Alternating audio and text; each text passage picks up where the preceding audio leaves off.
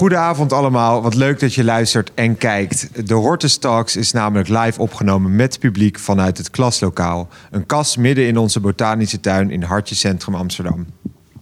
Ik ben jullie host, Gispert van Balen, en ik ga hier de Hortus Amsterdam ieder seizoen in gesprek met wetenschappers, kunstenaars en ondernemers die zich bezighouden met de natuur. Dit lenteseizoen, bestaande uit vijf afleveringen, nemen we je mee in de wereld van de eetbare natuur.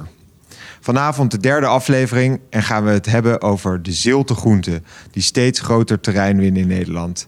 De gast Ellen van Straten, zilte groentetilster op Tessel en Sabine Bosman, culinair auteur en kok, die ons later vanavond de heerlijke smaken van de zilte groenten laat proeven. Zo Ellen, welkom. Hallo, leuk om hier te zijn. Um, een zilte groenteteler, hoe uh, word je dat? Door heel veel oefenen. Nee, uh, ik ben ooit uh, begonnen als uh, biologisch dynamisch boerin. Op een boerderij op Texel. En daar heb ik bijna twintig jaar gewerkt. Uiteindelijk zijn we dat bedrijf gestopt. En is een van de initiatiefnemers is toen begonnen met zilte groenten te telen op Texel. En uiteindelijk na veel rondjes over het eiland en verschillende soorten werkzaamheden ben ik daarbij ingestapt. En heb ik naast het onderzoek wat we daar deden op dat bedrijf, heb ik ook uh, gepoogd om zoveel mogelijk groenten te telen die onder ziltomstandigheden heel goed kunnen groeien. Zogenaamde halofieten. En daar zitten hele bekende groentes bij. Zeekraal, lamsoortjes, maar ook hele onbekende als oesterblad of zeebanaantjes, ijskruid. En ha halofieten, wat zijn dat? Dat zijn eigenlijk zoutminnende planten. Dus die kunnen groeien daar waar gewone planten niet meer groeien en uh, deze wel. Ja, want die collega van u uh, was ermee begonnen. Waarom? Zag hij een noodzaak? Of...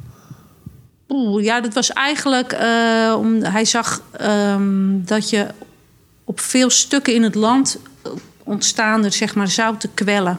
Dus dat daar zoutwater binnendringt, waardoor het uh, land wat normaal zoet is, eigenlijk steeds zouter wordt. En dat is al een heleboel jaren terug al begonnen. Maar waar hebben we het dan over? Ja, ik denk al 20, 25 jaar terug. Ja. Um, en het wordt eigenlijk steeds actueler door allerlei verschillende omstandigheden. We hebben natuurlijk zeespiegelstijging bodemdaling. We rommelen steeds meer in de aarde, waardoor ja, eigenlijk eerst dichte lagen in de ondergrond opengebroken worden, waardoor zoutwater uit de bodem weer makkelijker omhoog kan. Nou, zo kortom, verdroging. Er zijn allerlei redenen waarom op sommige plekken meer verzilting is dan dat je graag zou willen. En gewone groenten kunnen dan niet meer op zo'n plek groeien, maar wat kun je daar dan wel telen? En buitendijks groeit er natuurlijk van alles in het wild, zeg maar eetbare natuur. Ja. En die kun je ook telen als zeg maar commerciële groenten. En nou, dat is waar ik. Uh... Die verzilting van de aarde, is dat alleen op de eilanden of zien we dat ook? Nee, dat is jammer genoeg. Uh, weer, over de hele wereld uh, vindt dat plaats. En dat is natuurlijk een heel groot issue. Want ja, hoe ga, een land als Bangladesh komt, stroomt natuurlijk steeds vaker over. En mensen moeten daar ook eten. En ja, wat moeten ze doen als ze geen plek meer hebben om hun groentes te verbouwen, of als hun gronden elk twee keer in het jaar of hoe vaak eh, door zeewater overspoelen, of als mensen in woestijngebieden zo weinig zoete neerslag hebben dat de grond ook verzilt omdat de mineralen steeds meer aan de oppervlak komen. En, nou ja, hoe ga je dan voor je eten zorgen? Maar ja, maar daar heeft u een oplossing voor. Nou, dat wou ik niet zeggen. Want de oplossing is niet zo eenvoudig. Maar uh, ik er zijn wel groentes die je op dat soort omstandigheden kunt telen en nog steeds goed kunt eten. En ze zijn vooral ook lekker en het is ook leuk. Dus verzilting is een probleem. Maar het kan ook, nou, er zitten ook leuke kanten aan. En uh, daar hebben wij een, uh, onder andere een boek over geschreven. En telen groenten.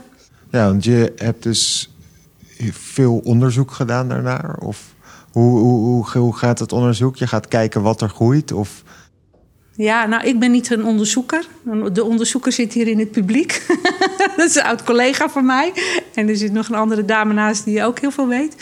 Um, maar er, wordt, er is zeg maar vanuit samenwerkingen vanuit het bedrijf waar ik toen de tijd werkte, is er heel veel samengewerkt met uh, zaad, grote zadenveredelaars van groenten, bijvoorbeeld voor wortels of kolen of nou ja, noem maar op. Maar ook pootgoedtelers voor aardappelen. Voor nou, welke rassen kunnen nou anticiperen op omstandigheden die moeilijker zijn. En toch nog steeds een goed voedselproduct kunnen leveren. Nou, daar, dus zeg maar naar reguliere groenten deden we onderzoek op dat bedrijf. Maar ook helemaal aan de extreme kanten. Dus als je nou zeg maar half zeewater hebt. Uh, wat kan daar dan nog op groeien? Of, uh, of juist maar iets wat op een natuurlijke kwelder maar één keer in de drie maanden overspoelt. Wat groeit daar dan nog? En eigenlijk boot je dan op je tuinbouwgrond de kwelder na, zeg maar. En dan kan je daar, daar zijn allemaal ecologische zones. En dan kun je kijken van welke groenten kunnen daar nog nou, mee uit de voeten. Is dat een beetje een antwoord? het, is, het is een antwoord, zeker. En uh, um, het klinkt nog heel kleinschalig. Hoeveel ziltegroentetelers zijn er? Of, en hoe groot is het probleem in Nederland? Uit de verzilting van de grond? Dat zijn eigenlijk twee vragen. We beginnen met de laatste. Ja. Hoe is het een probleem al in Nederland dat, is, dat er veel grond verzilt? Uh, ja, ik, die cijfers heb ik niet paraat. Want ik ben uh, eigenlijk een aantal jaar niet meer werkzaam bij het onderzoeksbedrijf. Um, ik ben nu weer voor mezelf begonnen met een uh, voormalig akkerbouwer. En uh, gewoon omdat wij het leuk vinden om weer groenten te telen. En wij hebben nu uh, het tweede jaar dat we telen, hebben we nu 1500 vierkante meter. Nou, dat is als natuurlijk professioneel tuinder, is dat helemaal niks. Maar als je vanuit de hobby moestuinier begint, is het een flinke tuin. En we hebben ook allemaal irrigatie en pompen en dat soort dingen aangeschaft. En ook met de potentie om door te groeien. Maar als je vraagt, kijk, zoals in Zeeland, dat kennen we natuurlijk allemaal, wordt er heel veel zeekrauw geteeld van oudsher. Hè? En ook op de slikken en de schorren wordt daar uh, uh, geoogst van nature. Wat je in Nederland ziet, is dat er in de polders ook, uh, zeg maar, doordat de bodem zo ver zakt en de druk van het grondwater zo hoog wordt, dat er toch steeds meer ja, zoutkwel ontstaat. En ook doordat we meer verdroging hebben en minder doorspoeling in de sloten, zoals op Texel, heb je natuurlijk alleen maar het zoete water wat er valt, komt van de regen. Als er minder regen valt en door de druk van de zee van buitenaf komt op een gegeven moment het zoute water toch omhoog. En normaal heb je een zoetwaterlens op het zout. En als die verdroogd is of verbruikt door alle gewassen, dan ja, zit er gewoon half zeewater in sloten. En hoe ga je daar dan mee om? Dus dat zijn wel actuele uh, vraagstukken die eigenlijk in heel Nederland wel spelen. spelen. Ja, dat, is, dat, hè, dat ben ik natuurlijk niet. Uh, ik heb daar het licht uh, niet uitgevonden. Maar daar is iedereen op landbouwgebied en is daarmee bezig. Dus er zijn steeds meer zilte-telers opkomend. Nou, dat nog niet zozeer. Wat denk ik heel erg belangrijk is om te kijken. Uh, we hebben verzilting in Nederland, maar we telen ook een heleboel gewone voedselgewassen. En die hebben we ook nodig hè, om iedereen te eten te geven. En hoe kunnen we uh, kijken dat de gewone reguliere voedselgewassen... kunnen we die zo zeg maar veredelen of kruisen... dat er soorten zijn die daar mee om kunnen gaan. Hè? Dus niet alleen maar zoet regenwater, maar ook op heel licht brak water. Ook nog steeds een goede, gezonde aardappel met een gezonde opbrengst geven.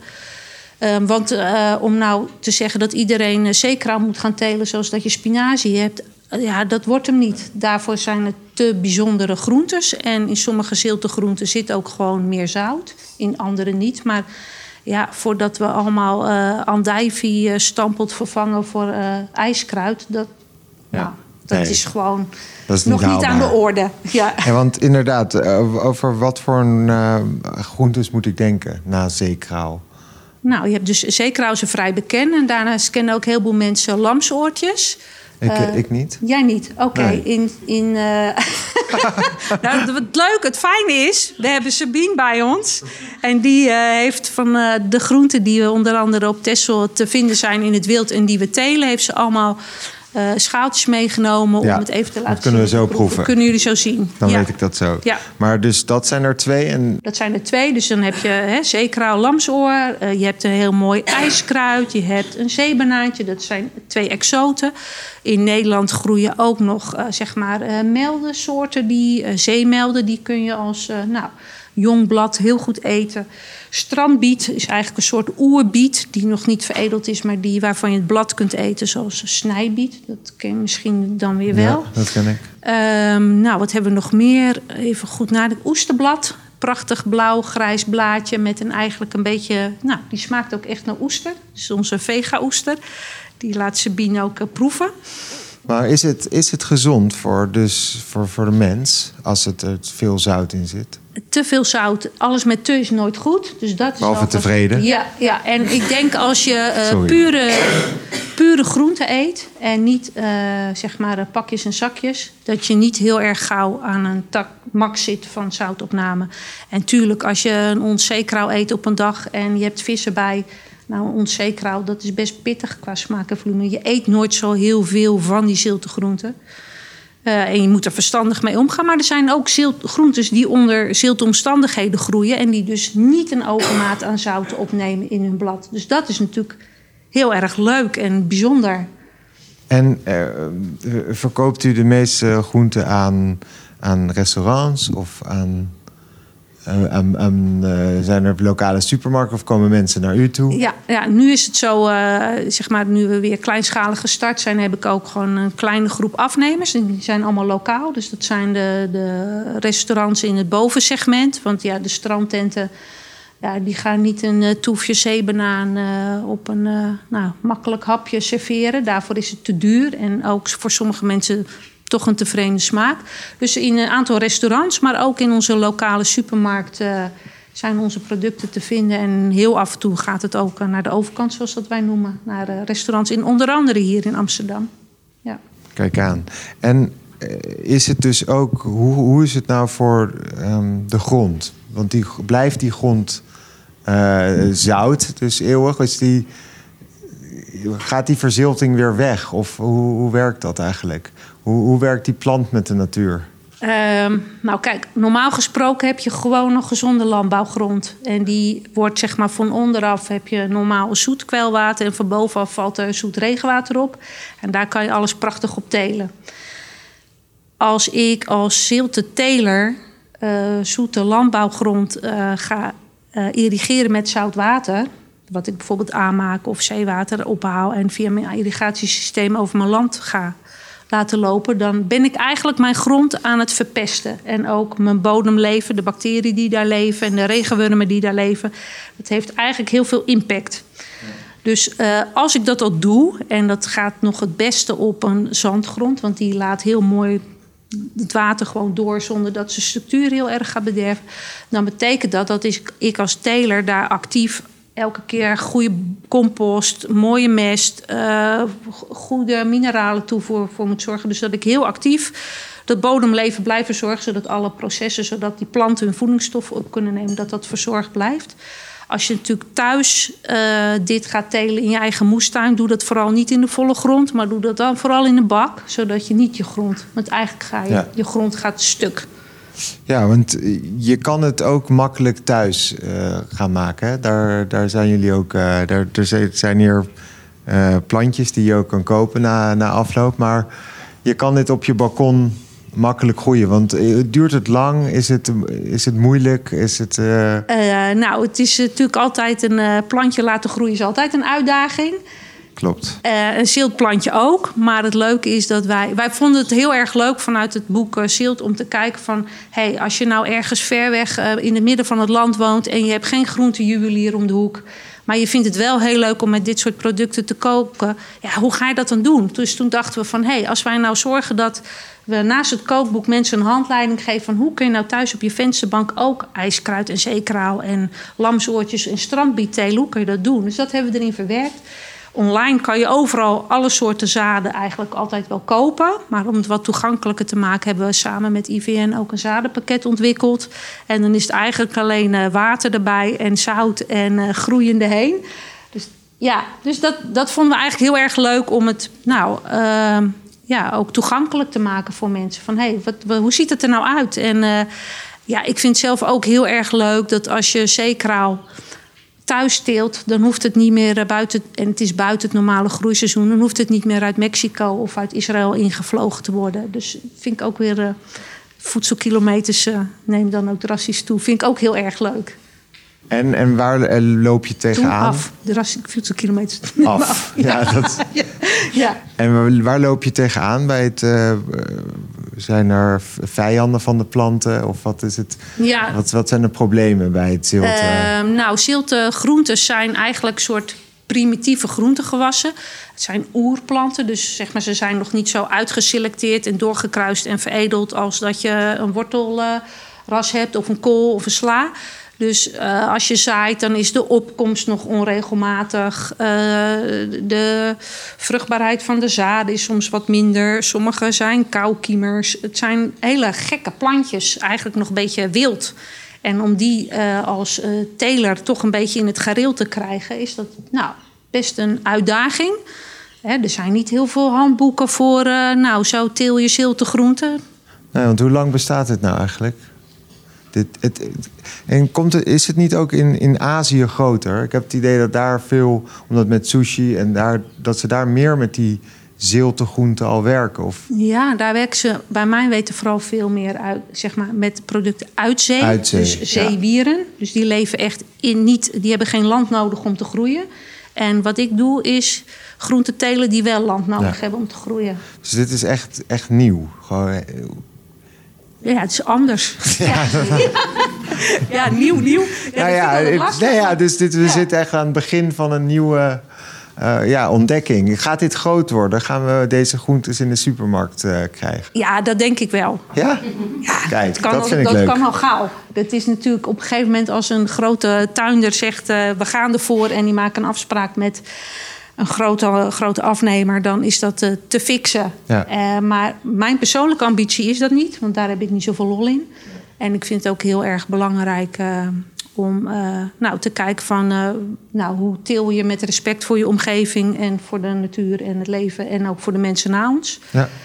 Dus nou, als we dat gaan doen, dan zie ik dat heel graag op een nou, biologisch verantwoorde manier. dat is nog wel een uitdaging. En ik vind het ook gewoon. Ehm, je ziet ook steeds meer dat er lokaal geteeld wordt en lokaal afgezet wordt. En nou, dat biedt ook zeker in de kustgebieden, dan zilt de groente op kleine schaal uh, nou, grote kansen. En als je het ja, mondiaal kijkt, dan wil je juist uh, kijken van oké, okay, daar waar mensen geen reguliere voedingsgewassen kunnen telen, kunnen ze misschien wel zeeaster telen, die je dan wel kan eten als spinazie, zonder dat je meteen te veel zout er binnen krijgt. Nou, maar goed, dat zijn complexe processen waar mensen uh, nou, op veel andere levels uh, mee bezig zijn. Ja, want zijn jullie deze informatie ook aan het uh, delen met de landen waar dus vaak overstromingen zijn? Je noemde Bangladesh. Is dat iets al wat jullie met, via overheden mee bezig zijn? Of is dat veel te, denk ik, veel te macro nu? Dat is nou, ik ben een micro, maar ja. mijn collega is macro, of mijn oud-collega is macro okay, bezig. Dus... Ja, ja, ja, ja. Nou, hartelijk bedankt eigenlijk. Dan gaan we nu door naar Sabine. Uh, want dan wil ik wel even graag weten uh, ja, wat je allemaal met die zilte groenten kan doen. Dankjewel, Ellen. Ja.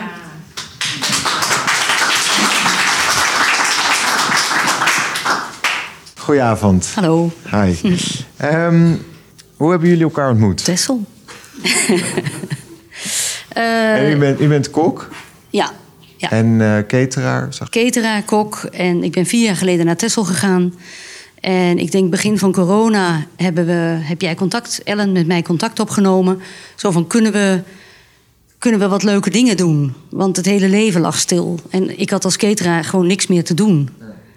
Dus uh, ja, zo is het eigenlijk een beetje gekomen. En het klikte. En uh, ja, ik kon met haar groenten weer uh, leuke dingen doen. Ja, zo is, uh, want wat vind jij zo geweldig aan die groenten? Uh, nou, ik, ik, ben, ik heb het predicaat waddengoud. En dat betekent dat ik met producten van het Wad kook, van de Wadden. Dus dat is ook de kust van Friesland en Groningen. Dus dat is niet alleen maar groenten en ook niet. Het is gewoon alle producten die daar vandaan komen of geteeld worden. Ja, en dit was één belangrijk aspect daarvan. En ik ging steeds meer zonder vlees en vis koken. Dus groente werd een steeds belangrijker uh, item. Ik kook alles hoor. Als iemand een lamstoof wil, dan doe ik het met lam. Maar ik vond het steeds uitdagender om zonder vlees en vis te gaan koken. En um, wat kun je er allemaal mee maken? Ja, ja alles. Ja, ja dat is een cliché, maar. Uh, nou ja, Verrast het de mensen als je het. Nou, uh, ik dus hoop een... het wel. Ik ga jullie straks een, een veganistische oester laten proeven. En natuurlijk, het is niet het mondgevoel van een oester. Maar ik weet zeker dat je er wel verbaasd van bent.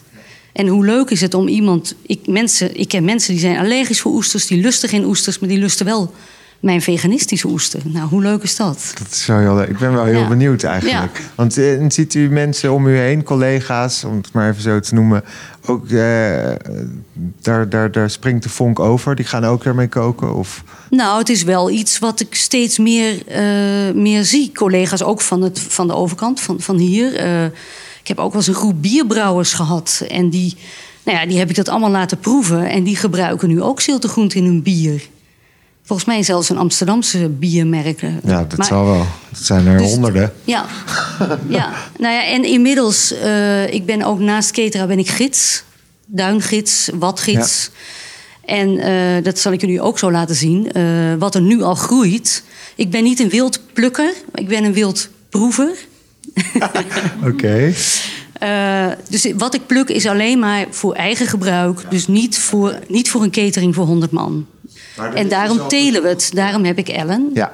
Maar er is, er, ja, gewoon eh, in het wild groeit er ook al genoeg wat je kan Nou, we, we eten. komen net dus van de boot. Ja. En eh, we waren wat vroeg. En dan laat ik de hond uit. En we hebben daar, dat zal ik zo laten zien... op, nou wat zal het zijn, 500 meter... eh, zes plantjes gevonden. Kijk. Wilde, gewoon zilte, wilde plantjes. En die gaan, kunnen wij zo ook eten? Die kunnen jullie zo eten en, en, en zien. En niet alles is eetbaar. Er zitten ook dingen bij die... daar moet je vooral alleen aan ruiken. Die heb ik alleen maar mee voor, de, voor, voor het leuk. Maar Ja. dat, is, dat is ook een zilte plant. Ook een eh, ervaring. Ja. Nou, ontzettend leuk. Ik, ehm, ja, ik denk, eh, we willen dit allemaal wel proeven. En daarna eh, vragen uit het publiek. Ehm, Ellen en Sabine, heel erg bedankt. En eh, voor de luisteraars sluiten wij deze aflevering af. We gaan hier namelijk nog even door met live vragen vanuit het publiek... en een exclusief proefje uit de ziltekeuken van Sabine. Mocht je nu denken, daar wil ik ook wel een keer live bij zijn... koop dan een kaartje via onze website www.dehortus.nl. En je kan ons helpen door te abonneren op de podcast... een comment te plaatsen en het door te vertellen aan wie het horen wil. En je kan ons volgen op Instagram voor alle updates uit de tuin. Bedankt voor het luisteren allemaal en tot de volgende keer.